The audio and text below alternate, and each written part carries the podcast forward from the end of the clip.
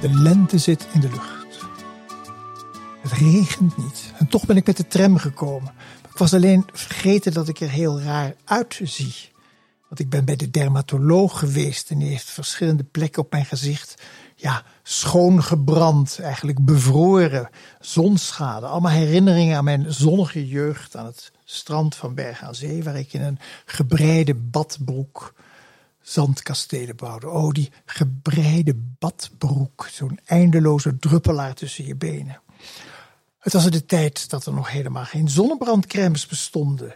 En de beschermingsfactor moest nog worden uitgevonden. Ja, je had Nivea-zalf. Maar dat was een soort chroma voor de huid. En nu zie ik er dus niet uit met ritsjes en snijpunten, ontpit als een oude aardappel. En in mijn gezicht rode vlekken en korsten. Apenpokken. Maar één voordeel: meer plaats op het bankje in een volle tram, want niemand komt naast je zitten. Welkom bij Van Dis Ongefilterd. Mijn naam is Simon Hupkes en ik zit graag tegenover jou, Adriaan. Wederzijds, Simon. Je ziet er inderdaad niet uit met al die butsen en snijden. En Ja, het ziet er pokken, maar uit. Het trekt het straks. zweren. Voel je het ook zitten? Ik voel het, ja. Het is Ja. lastig scheren om die wonden heen, maar het komt allemaal weer goed. Ja. Smeer je er wat op? Nou, troostzalfje van de dokter, maar... Ja. Er zit, ja. Je huid kan je niet veel doen, hè, behalve smeren en wachten. Nee, Nee. Maar ze zei dat ze heel veel dames en heren van boven de 70 heeft, die Ja. allemaal in hun kindertijd te veel zon eh, hebben gekregen en daar niet voor beschermd waren. Nee, dat is inderdaad wat ons als jonge ouders echt wordt ingebeukt. Van smeer je kinderen in. En dat vergeet je als het dan winter is. Denk ik, ik zit steeds met die jassen en mutsen te hannissen. En dan in de zomer hoeft dat niet meer, maar dan moet je steeds smeren. De zomer is een gevaarlijker tijd. Heel gevaarlijk. Hoe gaat het verder? Nou, ach, het tijdsgevricht, dat houdt je toch wel een beetje uit je slaap. Ja. En het is dat ik mijzelf dwing kennis te blijven nemen van de oorlogen. En eh, ik word er ook mee geconfronteerd op de scholen, waar een onderwerp als Gaza, Israël, steeds lastiger te behandelen Ja. wordt. Omdat de mensen zulke felle opinies hebben. Ja, voor of tegen, niet de ambiguïteit. Er zijn hier misschien twee volken die Ja. strijden voor een gelijk. Dat Maar toen las ik een boek van Gaia Polak, Brief in de Nacht, gedachten over Israël. En dat heeft mij bijzonder geraakt. Eh, omdat het een boek is dat eh, ja, alle kanten van het probleem laat zien. Alle kanten van het probleem die vond ik al bij andere schrijvers. Bij, bij Amos Oz en David Grossman en Neer Baram. Of bij Yuri Amichai, een geweldige dichter. Of bij Yuval Noah Harari. Maar dat talent hebben we dus zelf ook in huis in Nederland. Gaia Polak, al wat ouder. Maar eh, iemand die ja, een, een, een prachtig essay heeft geschreven over de verscheurde gevoelens. Misschien moeten we even toelichten. Zij is zelf Joods. Wat heet. Ja, ja. Zij is Joods. Haar eh, ouders zijn. Nou ja, vader is vermoord in Dachau. Moeder overleefde Auschwitz. Zij werd gespaard door een Ja. wonder. eh, in de onderduik, de eenzame onderduik. En ze weet als geen ander wat de Holocaust is. En ze is ook nog eens getrouwd geweest met een man. eh, ja, die, die door wiens familie nagenoeg door de nazi's is uitgemoord. Ja. En ze is voorstander van het terugtrekken uit de bezette gebieden, van een Palestijnse staat. Eh, dus ze staat aan de progressieve kant. Maar Ja. Maar ze weet als geen ander wat het betekent. ze weet als geen ander dat het betekent. Het mooie is, het Ja. boek heeft ook een opdracht die over nuance gaat. Ik lees hem even voor in het Frans. Car nous voulons la nuance encore. Pas la couleur, rien que la nuance. Dat is van Paul Verlaine. We willen, we, we moeten gewoon nuanceren. Niets dan de nuance. Nou, dat, dat probeert ze ook. Ze schrijft over al die ferme meningen die de mensen erop nahouden. En hoe makkelijk het in zekere zin is om een ferme mening te hebben. Want dan hoef je niet te twijfelen. Dat is heerlijk inderdaad. Ja. Je sluit je aan bij één groep, bij, bij je familie, bij je stam. En zij haalt de geschiedenis erbij en laat zien hoe, hoe ingewikkeld dat zit. En dat, het, dat- dat je niet eigenlijk voor één ding kan kiezen. Ik vind het een indrukwekkend betoog, prachtig en helder van taal. Heel eerlijk, op het pijnlijke af. Ze ja, schuwt het zelfonderzoek niet en ze neemt die lezer mee in een soort geestverruimende oefening in genuanceerd denken. Ze kijkt achter de muren van de haat en onwetendheid. Ja. En eventjes voor ons begrip, dus Gaia Polak woont in, in Nederland. Ze woont in Nederland. Maar ze heeft ook familie in Israël zitten. Ze heeft familie in Israël. Ja, en ze doet eigenlijk verslag van alles wat er in haar omgaat. En wat, ze, wat er op haar afkomt, wat ze leest sinds de 7 oktober. En, het, en, ze verzet zich tegen die mensen die zich zo vasthouden aan één mening. Aan de stam, aan de familie, aan de groep. Want ja, dat is veel te makkelijk in, bij dit conflict. Ja. Oké, wat en kan je een voorbeeld geven van uh, wat jou zo heeft getroffen in dit, in dit boek? Nou, eerst de dochter van de oudste zoon. Die, uh, dat die studeert uh, diergeneeskunde. Die zegt, ja, waarom moet toch iedereen onmiddellijk partij kiezen? Ze heeft er moeite mee dat die dochter dat ze gedwongen wordt om één standpunt in te nemen. En dan, wat me ook raakte, is dat ze zoveel problemen heeft met haar familie in Israël. Ze heeft het gevoel dat ze op eieren moet lopen. En zegt ze, zij, lieve, warme, zorgzame mensen, die negen maanden onafgebroken hebben gedemonstreerd tegen de regering Netanyahu. Uh, tegen het voornemen van Netanyahu het hoogstgerecht, hoge rechtshof lam te maken en daarmee de democratie. Zachtmoedige mensen noemt ze het. Die vriendschappelijk contact hadden met Palestijnen. Wanneer ik met hen in gesprek ben, weeg ik nu mijn woorden. Want al die mensen blijken dus ja, zwaar getraumatiseerd te zijn. Dat, komt het mooiste in uiting in een brief die ze schrijft aan haar neef Uri. Mag ik die voorlezen? Ja, nou misschien mag ik hier nog een, vraag over stellen. Dus zij is met haar eigen familie. Zit ze eigenlijk heel voorzichtig de, de woorden te kiezen. Ja. Uh, omdat ze niet helemaal zeg maar, vanuit haar Nederlandse perspectief uh, ja, zegt, ongezouterde mening ja, Die familie confronteert haar met het feit dat dat land getraumatiseerd is. En dat er mensen die vroeger aan de linkerkant stonden het niet meer opbrengen die progressieve positie in te nemen. Omdat er te veel gebeurd is. Dus nu is het, uh, komt men op voor zichzelf. Het is eigenlijk ook wel heel pijnlijk om te horen. Dus dat eigenlijk zijn we dus ook in die val van Hamas getrapt op een bepaalde manier. Ja, maar ze beschrijft het niet van dit is mijn standpunt, maar ze laat het zien. Elke keer, elk standpunt wordt als het ware gewikt, gewogen, opnieuw bezien. Dus je wordt meegenomen in een, in een manier van denken, waardoor je telkens uh, anders, andere standpunten zelf moet gaan innemen. En uiteindelijk dus moet constateren dat er misschien geen standpunt is. Ja, oké, ga verder. Wat me bijzonder raakte was een brief aan haar neef Uri in Israël. Het gaat er namelijk om dat in Israël een heleboel informatie onthouden wordt. En als die gegeven wordt, is dat heel erg laat. En is die eerder geschreven dan in beelden. Dus wij zien dingen die men in Israël niet ziet. En dan schrijft ze naar neef Uri, om recht te doen zouden de Israëli, behalve naar binnen, ook naar buiten moeten kijken. Om te weten wat de wereld buiten Israël wel ziet en zij niet zien. Hier zien we, hoewel mondjesmaat, het lijden van Israël. vooral zien we het lijden in Gaza. Dat laatste dagelijks op televisie, in prime time. Er valt niet aan te ontkomen. Dat wordt ons dagelijks duidelijk gemaakt.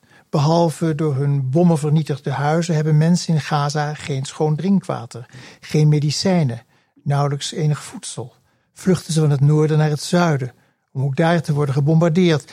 Wij hier zien hun doden, we zien hun gewonden, we zien hun kinderen lijden, zien ouders in rouw, zien hoe kinderen onder het bloed door vaders, ooms, neven in wanhoop naar ambulances worden gedragen, als die er al zijn. Juist Joden zouden niet moeten willen dat anderen lijden, zoals ze zelf hebben moeten lijden. En de Israëlische regering zou haar bevolking moeten laten weten wat deze beelden buiten Israël aanrichten, hoe ze antisemitisme doen oplaaien. Want zo gaat het nu eenmaal altijd. Ze zouden niet alleen moeten denken aan een veilig thuisland voor Joden in Israël, ze zouden ook moeten denken aan de veiligheid van Joden buiten Israël. Ja, dat ja. Uh, ja, dan zegt ze ook: Jij bent de enige in Israël die ik dit durf te schrijven, zegt ze dan nog. Vergeef me deze noodkreet. En die Uri antwoordt haar dan weer. En die zegt: Je luister eens, uh, wij zien het inderdaad niet. Maar hij citeert dan een brief van een collega door. En die collega zegt dit. De jonge linkse seculiere generatie in Tel Aviv staat nu pal achter het elimineren van Hamas.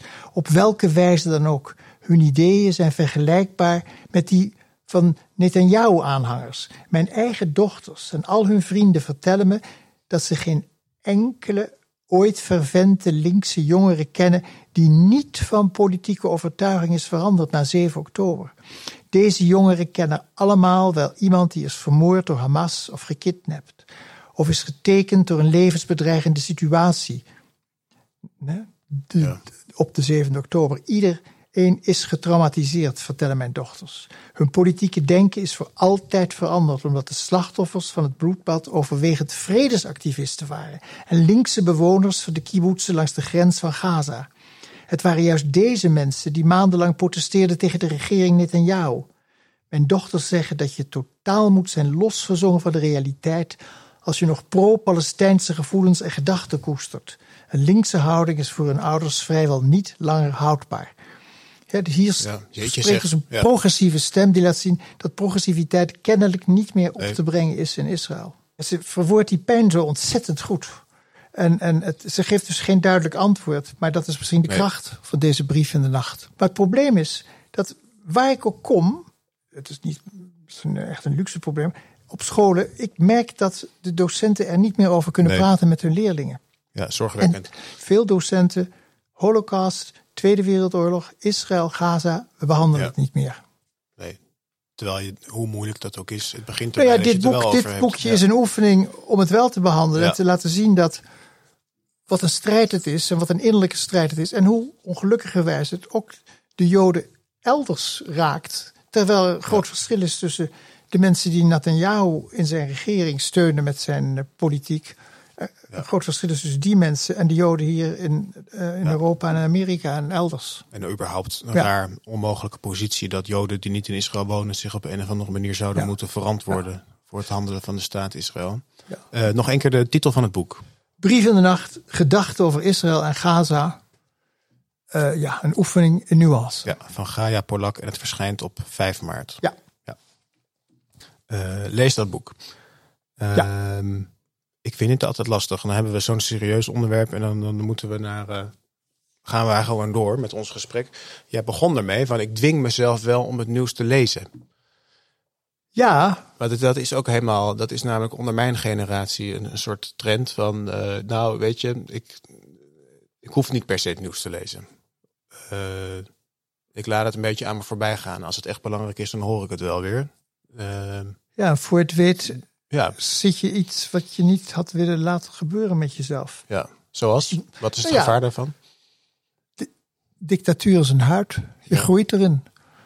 En je moet dus weten wat er met je huid gebeurt. Ja, dat is een beetje raar, deze mhm. beeldspraak naar een jonge man die de hele bij de, een oude man die de hele tijd bij de dermatoloog zit. Maar ik, je moet je, je, je positie in je eigen tijd voortdurend testen. Je moet weten wat er aan de hand is.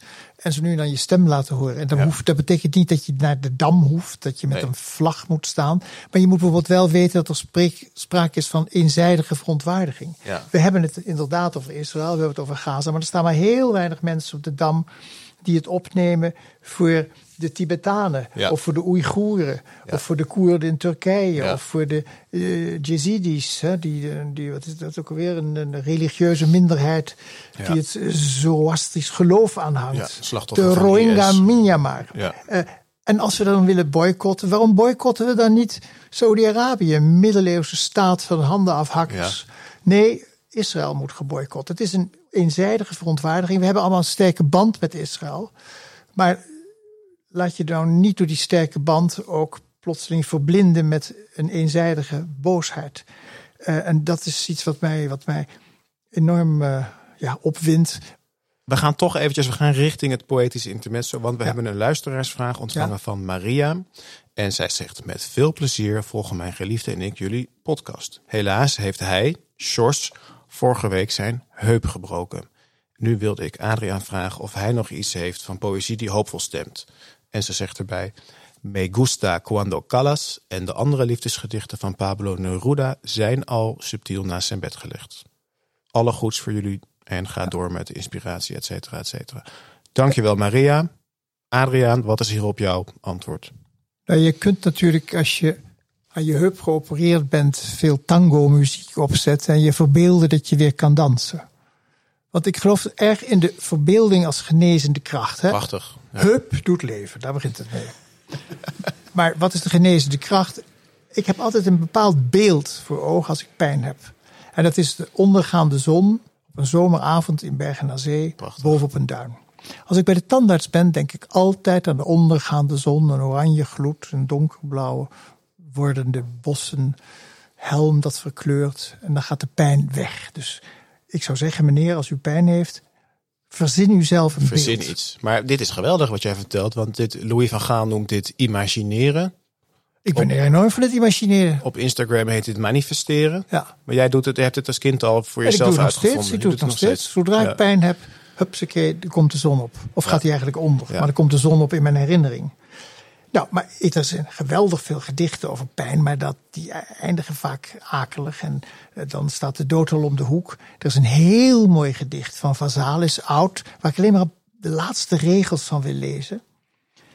Loop alleen, zoals een oude wolf, en lik de laatste druppels uit de droge plassen.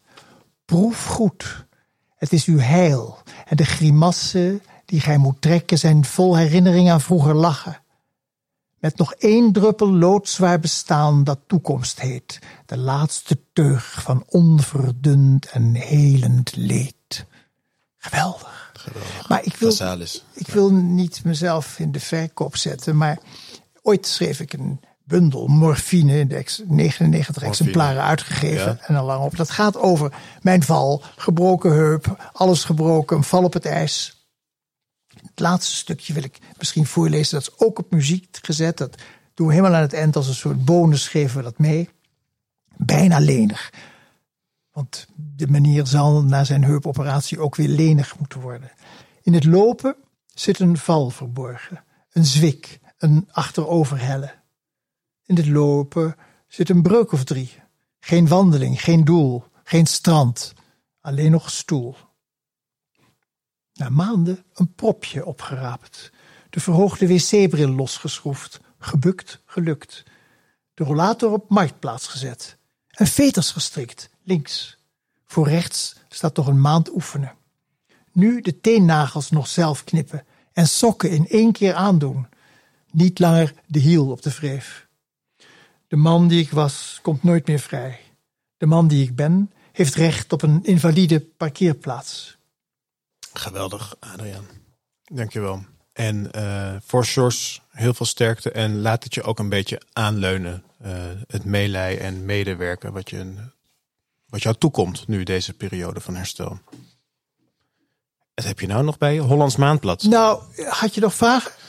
Eh, over, ik- hierover? Ja, nee, in het Nou, ik wil wel even over die morfine. Want ik, ik ben Oh, ook zelf ja. ook gek op eh pijnstillende medicatie. Wat, eh, wat voor beelden kwamen er boven? Nou, ik heb, omdat ik eh, een indrukwekkende hoeveelheid operaties heb gehad. Ja, krakende wagen, dus men moet zich vooral geen zorgen maken. Ik vind het erg aardig hoor, dat mensen zo reageren. Want ik kreeg ook een mail van een mevrouw die zei... Ja, die schouder, ik heb u gezien in Groningen op een literair festival. Toen liep u met een mitella. En die komt met een fantastisch idee dat ik een koolcompress moet aanleggen. Dus ik moet een kool kopen, dan moet ik de bladeren Ja. van kneden. En dan moet ik op mijn schouder leggen. Dat en is een t-shirt. Ja. En dat trekt alle pijn in de kool. Mevrouw, de kool is aangeschaft. Eh, en wat voor kool heb je hiervoor ik uitgevoerd? heb hier een hele mooie grote groene kool. Groene kool. gekocht. Maar ik ben nog niet zo ver Nee. om de bladeren te kneden en op mijn schouder te leggen. Ik, dit vind Maar ik luister dus naar jullie. Ja. Ja. Maar inderdaad, ik ik heb een, eh, nogal wat operaties achter de rug gehad. En eentje van- daarvan was heel bijzonder. Ik werd geopereerd aan een verkleefde niersteen. En eh, dat was een heel gedoe. Eh, ik ik lag in het ziekenhuis bij te komen voor de operatie. En kreeg toen morfine. En wat gebeurde er in de kamer? De kamer werd voor de helft jungle. En als de verpleegsters binnenkwamen, waren ze zwart en halverwege werden ze wit. Dat kwam omdat ik toen schreef in het Boekenweekgeschenk. En dat speelde zich af in West-Afrika. Dus ik was vol met dat boek. Zat en die jungle hoofd. verplaatste zich in mijn droomwereld. En dan zei ik dat tegen de verpleegster. Maar net was u nog zwart. En helaas, ja, die verpleging gaat kamer in, kamer uit, konden ze niet meeleven met die wonderlijke fantasieën. Maar toen wist ik wel wat morfine doet en wat voor geweldige fantasieën en dromen je hebt. En dat heb toen ik mijn enorme klap maakte en van alles en nog wat brak. En daarom heb ik ook stukken ijzer in mijn pols en in mijn schouder en weet ik niet wat. Eh, toen kreeg ik heel veel eh, oxycodon. Ja. Dankjewel, morfine. En het is eh, gelukkig maar alleen op doktersrecept verkrijgbaar. Ja. ja. Ehm, En de bundel is uitverkocht. Dus beide zijn niet verkrijgbaar. de bundel morfine is uitverkocht. Ja. Uh, Hollands Maanblad. Dat nou, vind ik een heel sympathiek blad. Wat, wat, heb je eruit uitgekozen? Nou ja, kijk, uh, als we het over de oorlog in Israël hebben. We hebben ook de oorlog in uh, Oekraïne. Ja. Ik hoorde onlangs op de radio Tommy Wieringa en Jaap Scholten of vertellen over een konvooien naar de Oekraïne. Moedige jongens. Heel goed. Ja, Jaap Scholten heeft er ook een boek over uitgegeven. Heel goed wat ze doen. Ja. En toen las ik een prachtig gedicht in het Hollands Maandblad van, weet ik het wat, eind vorig jaar. Dat is van Oksana Stomina. En de vertaling is van Richard Novak uit het Oekraïens. En het gedicht luidt zo. Voor mijn man en alle andere krijgsgevangenen. Weet je, mijn lief, wachten is half in leven zijn. Zwijgend de horizon grijpen met je blik en hem vasthouden. Elke dag de afgrond overwinnen. Door het koren dwalen en de lijsten bestuderen. Je bent nu een moeder voor je eigen man. Onze liefde bindt ons aan elkaar, elastisch als een navelstreng, maar ze heelt onze moeheid niet. Want wachten, mijn lief, is mij schuldig voelen, dat ik niet je hand heb vastgepakt en je niet naar huis heb gebracht. Want wachten, mijn liefde, is dingen uitstellen, vreugde en verlangens, dromen en hoop. Alles lijkt bestraffing, alsof je niet langer het recht hebt op de helft van de zon, op de helft van het hart. Want wachten, geliefde, is de ochtenden tellen en de nachten zonder jou, de stappen door andermans huis, uit het raam kijken, tegen de gordijnen ademen en de muren stutten die het plafond dragen. Kijk, dat is wat poëzie doet. Als we de krantenberichten niet meer kunnen verwerken, lees dan in ieder geval zoiets. Verplaats je in die vreselijke ellende. Uiteindelijk is het misschien naïef, maar je hoopt toch dat als steeds meer mensen beseffen wat we elkaar aandoen, dat we er ooit eens mee ophouden. Ja. Dankjewel. We hopen daar ons bescheiden steentje aan bij te dragen met deze podcast. Nou, uh, ben jij natuurlijk, omdat je boek De Kolonie Map terug in de bestsellerlijsten staat, word je overal uitgenodigd. En ben jij ook vreemd gegaan? Ben je naar de podcast van Pieter van der Wielen geweest? NRC Het Uur. Hartstikke leuk gesprek. En daar is ook een vraag over binnengekomen. Oh, van Rivka. Ik heb met veel plezier naar je interview met Pieter geluisterd. Ik vraag me af waar jouw advies we moeten meer groeten vandaan komt. Is dat alleen maar aardig willen zijn of heb jij ook behoefte aan een meer en dieper contact? En hoe vaak moet ik dan groeten? Ik reis veel met het OV. Dat is bijna niet te doen om iedereen dan te gaan zitten groeten. Nee, maar je kunt wel als je de. Nou, even, even uitleggen oh. misschien. Wat was jouw pleidooi? Want dat was heel mooi. Nou, ik pleit ja, een beetje vriendelijkheid. Ja. En niet zure gezichten. Ik, het doet mij pijn als ik in de tram zit en mensen komen binnen en groeten de conducteur niet. Ja. Het doet me pijn als ik mensen elkaar zie uitschelden bij de zebra. Dat gesnauw. Ja, ik ben misschien hypersensitief, maar ik kan er niet tegen wanneer mensen onaardig tegen elkaar doen. Ja, in het verkeer elkaar uitschelden. Dus het is ook, eerlijk gezegd, heel ik mezelf ermee. Ik voel me beter als ik gewoon vriendelijk iemand groet. Maar het gaat om de dingetjes. Je komt een coupé binnen. Uh, weet ik het wat, stilte ik zeggen, goedemiddag of goedenavond, zeg ik eventjes of tegenover iemand of ik knik eventjes. Uh, als je ergens komt waar de straat is opgebroken en je ziet mannen, het zijn meestal mannen met scheppen, die zeg je, heren, goedemorgen. Ja. Je ziet dat de mensen het leuk vinden als verkeersregelaar. Die hebben ook een hondenbaan, altijd, altijd groeten, ja. even duimpje. Ja. ja, precies. Dus het, het, het, ja, het is een. Uh, ja, een soort Japanse beleefdheid uh, wil ik kennelijk, waarin mensen elkaar uh, een beetje buigen. Maar zit er ook iets Amerikaans in, van een soort uh, heel beleefde omgangsvormen om het gewoon wat gemakkelijker te maken aan, aan elkaar? Nou ja, laat ja. fijns is smeerolie van de beschaving. Ja, precies. Ja. Dus dan maar onoprecht van have a nice day. Ja. Kijk, ik heb het niet over fijne dag, wat je vaak aan de kassa treft, waar het, de jonge medewerker het echt geen fluit kan schelen of je een fijne dag hebt of niet. Een klein beetje gemeend mag het wel zijn. Mm -hmm. Maar eh, gewoon omgangsvormen. En geen hufterigheid. Maar dat is echt heel persoonlijk. Ik voel me beter als ik een beetje aardig doe. Ja, maar de, de kans valt natuurlijk niet uit te sluiten dat de ontvangende partij er ook uh, wat blijer van wordt. Dus in die dat zin. hoop je maar. Als ze nou allemaal. Een maar natuurlijk hoef je niet als een soort gemankeerde koningin Wilhelmina wapperend met je handen door het verkeer te gaan en iedereen te gaan groeten. Maar uh, het negeren en ja. bozig kijken, dat is ook helpt ook niet. Nou, wij hebben iets van, uh, wat is het, 20.000 luisteraars uh, per week op deze podcast. Dus als wij allemaal vandaag en morgen één iemand extra groeten, dan hebben we al zoveel moois betekend. Ja, bijvoorbeeld. En of een hele kleine aardige dingen doen. Gewoon, uh, gewoon mensen even voor laten gaan. Ja. Dat helpt ook al. En de, de, de dakloze krant kopen. Of in ieder geval dat. Ga met wat muntgeld naar de winkel. Want niemand heeft meer muntgeld bij zich. En geeft dat. Het is goed, goed voor jezelf. Ook goed voor die ander. Maar goed doen, dat, is een, uh, dat, is, dat doet iets met je, met je gemoed. Ja. En dat is ja, een goed mens zijn. Dat is een, een, een scheldwoord. Laten we dat weer omdraaien, dat het niet een scheldwoord is. Laten we proberen goed mensen Laten we proberen te deugen. Uh, iets anders wat jij zei, daar uh, sloeg ik dan even op aan. Uh, in het interview met Pieter zeg je, ja, iedereen leest nu de Bolle Gog. de verschenen biografie van ja. Cohen over Theo van Gogh. Ja. Dan wil ik dat juist niet lezen. Dat speelt ook een beetje een rol. Nou, je, kijk, ik vind het wel opmerkelijk dat een, het zo lijkt dat we ons richten op twee auteurs, Ischa Meijer en uh, Van Gogh, nou, ik heb een bewonderaar van de radio-interviews van Ischa Meijer. Als je nog gaat de teksten moet beoordelen van een dikke man, of als je de filmpjes moet beoordelen van Van Gogh, dan is het niet het, het allerbeste wat aan de, aan de, de, wat, wat, waar het land in excelleert van kijk eens, hier zijn twee geweldige kunstenaars. Dus ik vind het wel opmerkelijk dat we ons in deze lastige tijd zo richten op al die roddels en gedoetjes. Uh, zeg, maak je wereld inderdaad groter.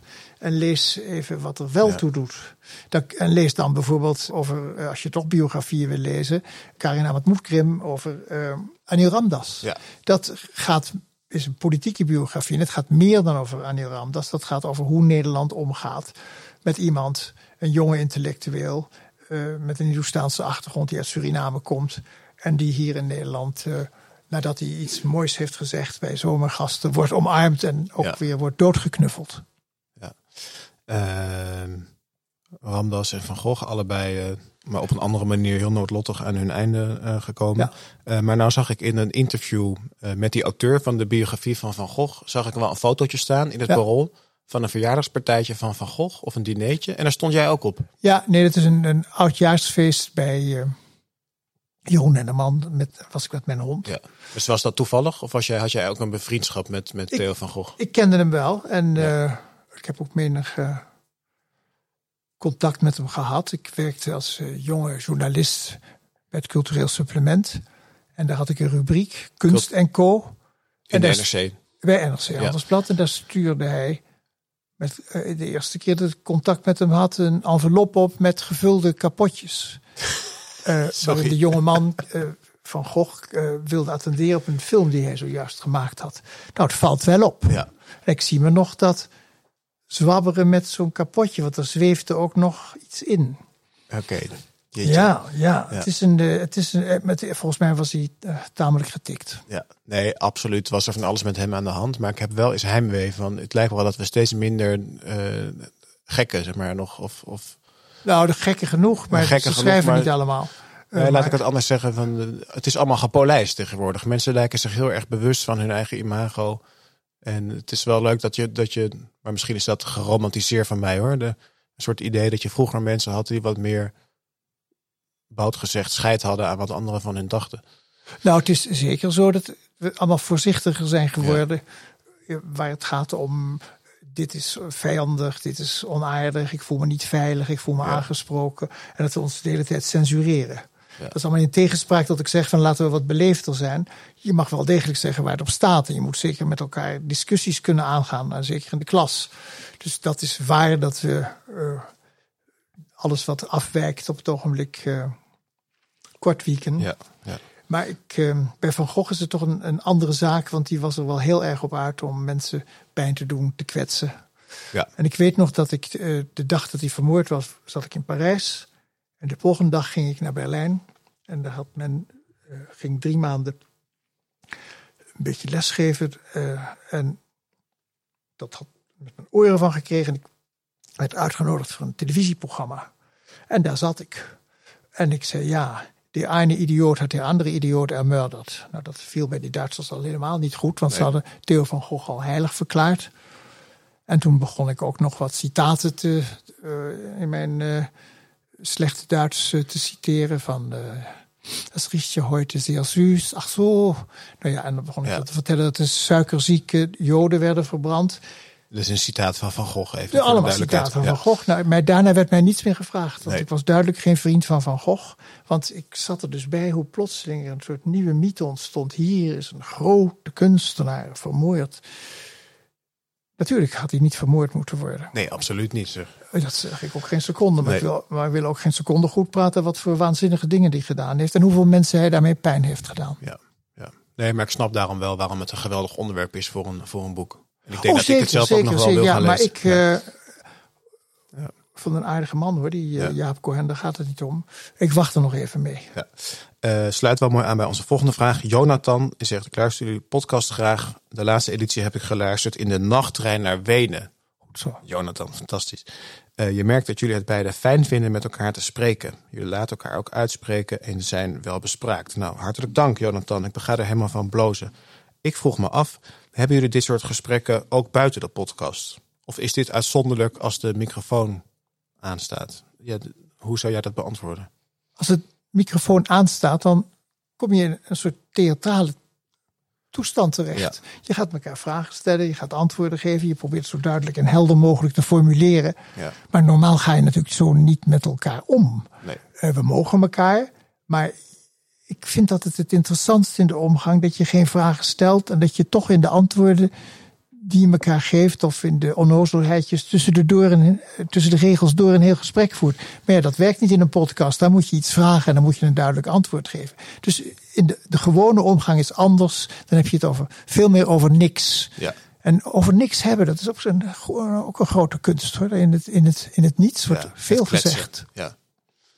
Ja, nee, dus het antwoord is, het is een beetje gespeeld, maar eh, de- de- helemaal niet, eh, niet volledig. We doen ons best Nee. het zo helder mogelijk te zeggen, maar natuurlijk is het theatraal. Ja.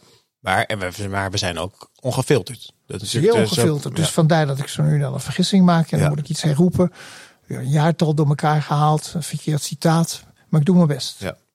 Ik vond het dus leuk, deze luisteraar eh, die heeft ons geluisterd in de nachttrein naar Wenen. De volgende, die heeft het in Jakarta beluisterd. Kijk aan. En hij luistert ook soms samen met mijn geliefde. En er gaan in mijn hoofd nieuwe deuren open, elke keer weer. Nou, dankjewel Dennis, die stuurt deze brief. Ja. En hij eh, wil ons bedanken en hij zegt... Mag ik u als klein teken van dank wellicht uitnodigen voor TFAF Maastricht? Onze familieatelier creëert kroonluchters... en we laten iets van het werk van mijn oom William Brandt daar zien. Simon en Bart Jeroen zijn ook uitgenodigd. TFAF, Ja, ik ben er één keer geweest. één keer geweest. En ik eh, heb nog nooit zoveel schouders gezien van rijke mensen die naar kunst kijken, die Ja. elkaar allemaal kennen. En enorm veel, heel vriendelijk zijn met elkaar, elkaar allemaal groeten. Ja. En tegelijkertijd voelde ik me een totaal vreemdeling. Dus het gaat niet alleen om de kunst, maar ook om het gezien Het worden. gaat heel, dacht ik, om, om het gezien worden. En, en alles kost veel geld. En dan ga je toch zoeken naar iets wat je eventueel had kunnen betalen. En ik ben was te dood dat ik dat iets zou kopen. Want je merkt ook die aanstekelijkheid van. Ja. Het hangt in de lucht dan. Het, ja, en, en eh, ik, het, ik vind het een hele wonderlijke, dubieuze wereld. Die hele kunstwereld met die prachtige, mooie, ingerichte halve winkels. Of een entree, door Tom Postma gemaakt. Een geweldige architect trouwens, die dat telkens inricht. Met elke dag door een gang van verse rozen. Prachtig toch? Ja. Maar een zekere decadentie valt het, eh, ja, kan je er ook bespeuren. Zit daar ook wel bij. Ik ben er huiverig voor. Ja. Maar ik zeg tegelijkertijd, jongens, Ga erop uit. ga altijd dingen doen die je Ja. niet eerder doet. Druk die knop in van je, de antropoloog in jou en ga vreemde ervaringen aan. Ja. Maar ik ben er een beetje bang voor. Ik ben één keer geweest eh, naar de TFAF. Want Mijn grootvader die verzamelde Japanse prenten. Dus die kreeg dan ook altijd van waar hij kocht de Ja. uitnodigingen door. En die gaf hij dan door aan de kleinkinderen. En ik vind dat inderdaad, ik ben daar wel gevoeliger voor. voor Zo'n sfeer van hier is goede smaak. En hier lopen allemaal mensen met, met veel geld. Ja, ik ben er ook gevoelig voor, maar ik wantrouw het zo. Want ik ben heel erg gevoelig voor notabiliteit Ja. en voor deftige mensen. En, en dat moet iets te maken hebben met vroeger, zoon van een werkeloze Indo. Altijd eh, likken naar boven, trappen naar onder. die toon, daar moet ik voor oppassen. Ik moet mezelf corrigeren of ik moet gecorrigeerd worden door de meest intieme vrienden. Ellen corrigeerde mij altijd. Drol, wie heeft jou gedraaid? Laat je niet imponeren door mensen die met poeha. Ja. Uh, maar ik weet dat ik het in me heb. Daarom kan ik bijvoorbeeld ook nooit in een stad als Den Haag gaan wonen. Nee. Want dan word ik uitgenodigd en ik ben zo ontzettend grappig. En voor je het weet zit ik avond aan avond bij ambassades. En kom je bij mensen die een meisje hebben ingehuurd voor een avond met een wit schortje. Niets voor mij. Niets voor. Heel gevaarlijk. Notabiliteit is voor mij een glibberig pad. Adriaan, blijf gewoon. Ga met de tram. Ga op je fiets. Stel je niet aan en verbeeld je niets en werk hard. Ken u zelf. Ja, en zelfs dan nog maar een half. Het is ingewikkeld, maar je weet ook welke glibberpaden je niet moet bewandelen. En voor mij is deftigheid, en dat kan ik zeggen met dat idiote accent, een gevaarlijk pad. Maar nou waren we een paar afleveringen terug, waren we bij jou thuis. Omdat je toen uh, met de griep uh, opgezeten zat. Uh, en er hangt bij jou ook aardig wat kunst aan de muur. Ja, maar dat, als je weet waar die vandaan komt. Twee prachtige schilderijen die ik in Ife in Nigeria bij een benzinepomp heb gekocht voor dollar per stuk. en waar ik heel erg aan hecht. Ook dingen die zeker wel een waarde hebben gekregen met de jaren, maar ook niet. Het zijn wel allemaal schilderijen en mooie dingen waar ik een band mee heb gekregen. En, die, en die allemaal op onderweg zijn verzameld. Ik ben wel iemand die. Uh, maar je hebt het ook echt om naar te kijken omdat je het mooi vindt. En je bent in die zin geen collectioneur om door te verkopen. Uh, ach, kijk, ik heb wel eens gedacht. Als ik dit koop, dat wordt dat later misschien heel veel waard. Maar dat is dan bij mij nooit het geval. Maar dat doet er niet toe. Ik koop het omdat ik het mooi vind. En ook omdat ik een gat in mijn hand heb. Ja. Dus dat is een aardige combinatie bij mij. Daarom ga ik dus ook niet naar de TV af. Want voor je het weet heb je toch iets. Oh, maar dat kan ik misschien wel eigenlijk betalen. En dat moet ik. Houd toch op. Het is daar al twee keer duurder dan het gewoon is. Ja. Oké, dat is ook een goede tip. Nooit, never buy at a fair, zeggen we ook uh, in het boekenvak. Ja. Uh, over twee weken hebben wij de Boekenweek-uitzending. Dus ik wil iedereen bedanken voor de vragen. Maar stuur ook je nieuwe vragen in over boeken, lezen, literatuur. Hoe ga je om met een bundel? Wat is nou eigenlijk poëzie?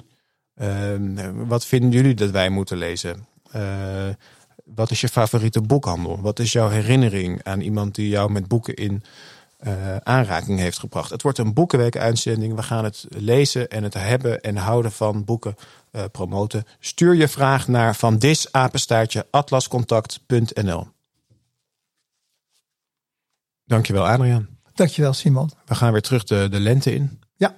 Het is fantastisch nu dat je, als ik de kinderen naar school breng, zeg maar, dat het weer licht is. Ja. Dat helpt wel. En de leeslamp gaat mij ook later aan. Daar zullen ze bij Vattenval tevreden over zijn. Daar zullen ze tevreden over zijn. Bedankt voor het luisteren en denk aan de luisteraarsvragen van Dis Apenstaartje atlascontact.nl. Van Dis Ongefilterd is een podcast van uitgeverij Atlas Contact. Alle boeken die ter sprake zijn gekomen zijn te bestellen bij boekenwereld.com schuine streep van streepje dis. Presentatie Simon Dikker-Hupkes. Montage, productie en regie Ellen van Dalsem, Bartje Ronkiers en Sten Govers van Tinium Audioboekproducties. En nu nog even de bonus, dames en heren. Ik vertelde over de bundel morfine. En het laatste deel, bijna lenig, dat las ik. Maar dat is op muziek gezet door Simon Burgers. En dat is echt geniale herrie.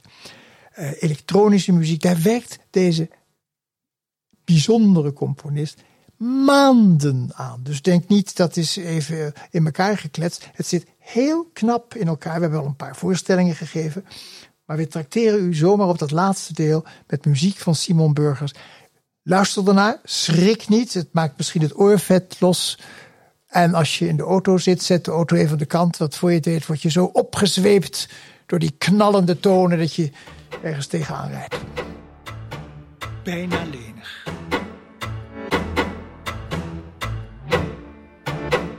In het lopen zit een val verborgen. Een zwik. Een achteroverhellen. In het lopen zit een breuk of drie.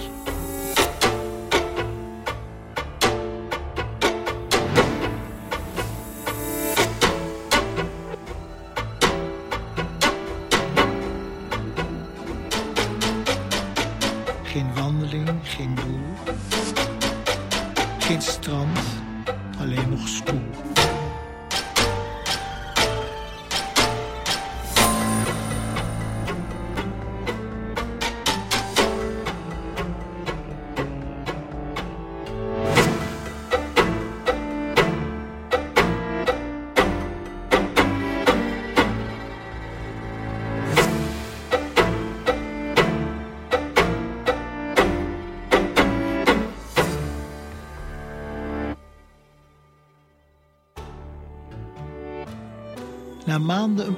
Opgeraapt.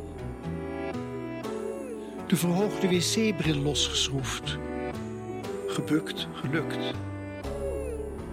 De rollator op marktplaats gezet.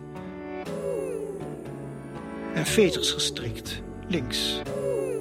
Voor rechts staat nog een maand oefenen.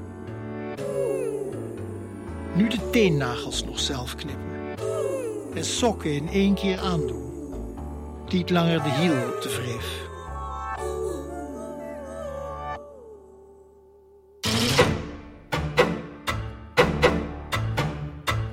Man die ik was, komt nooit meer vrij.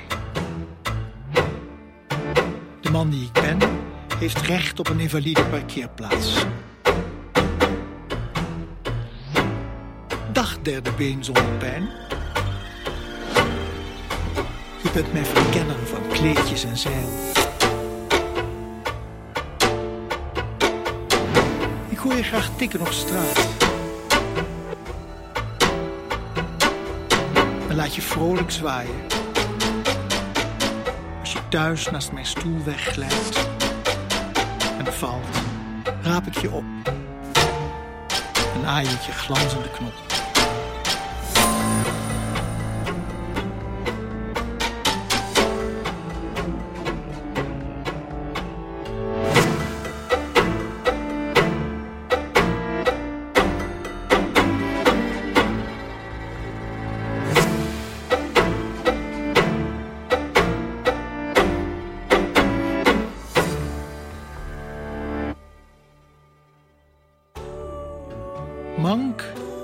Uit de rij gehaald, in stoelen gezet, naar de beste plaats geloosd.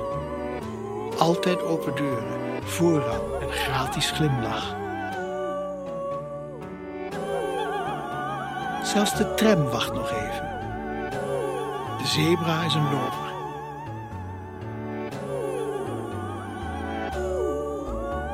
Ik kan het iedereen aanraden. Trek met uw been.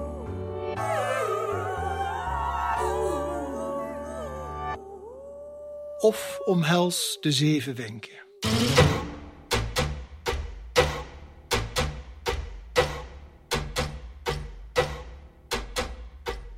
Zoektak. Neem touw.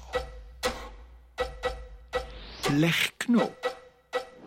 Steek kop in lus. Klim op kruk. Grijns.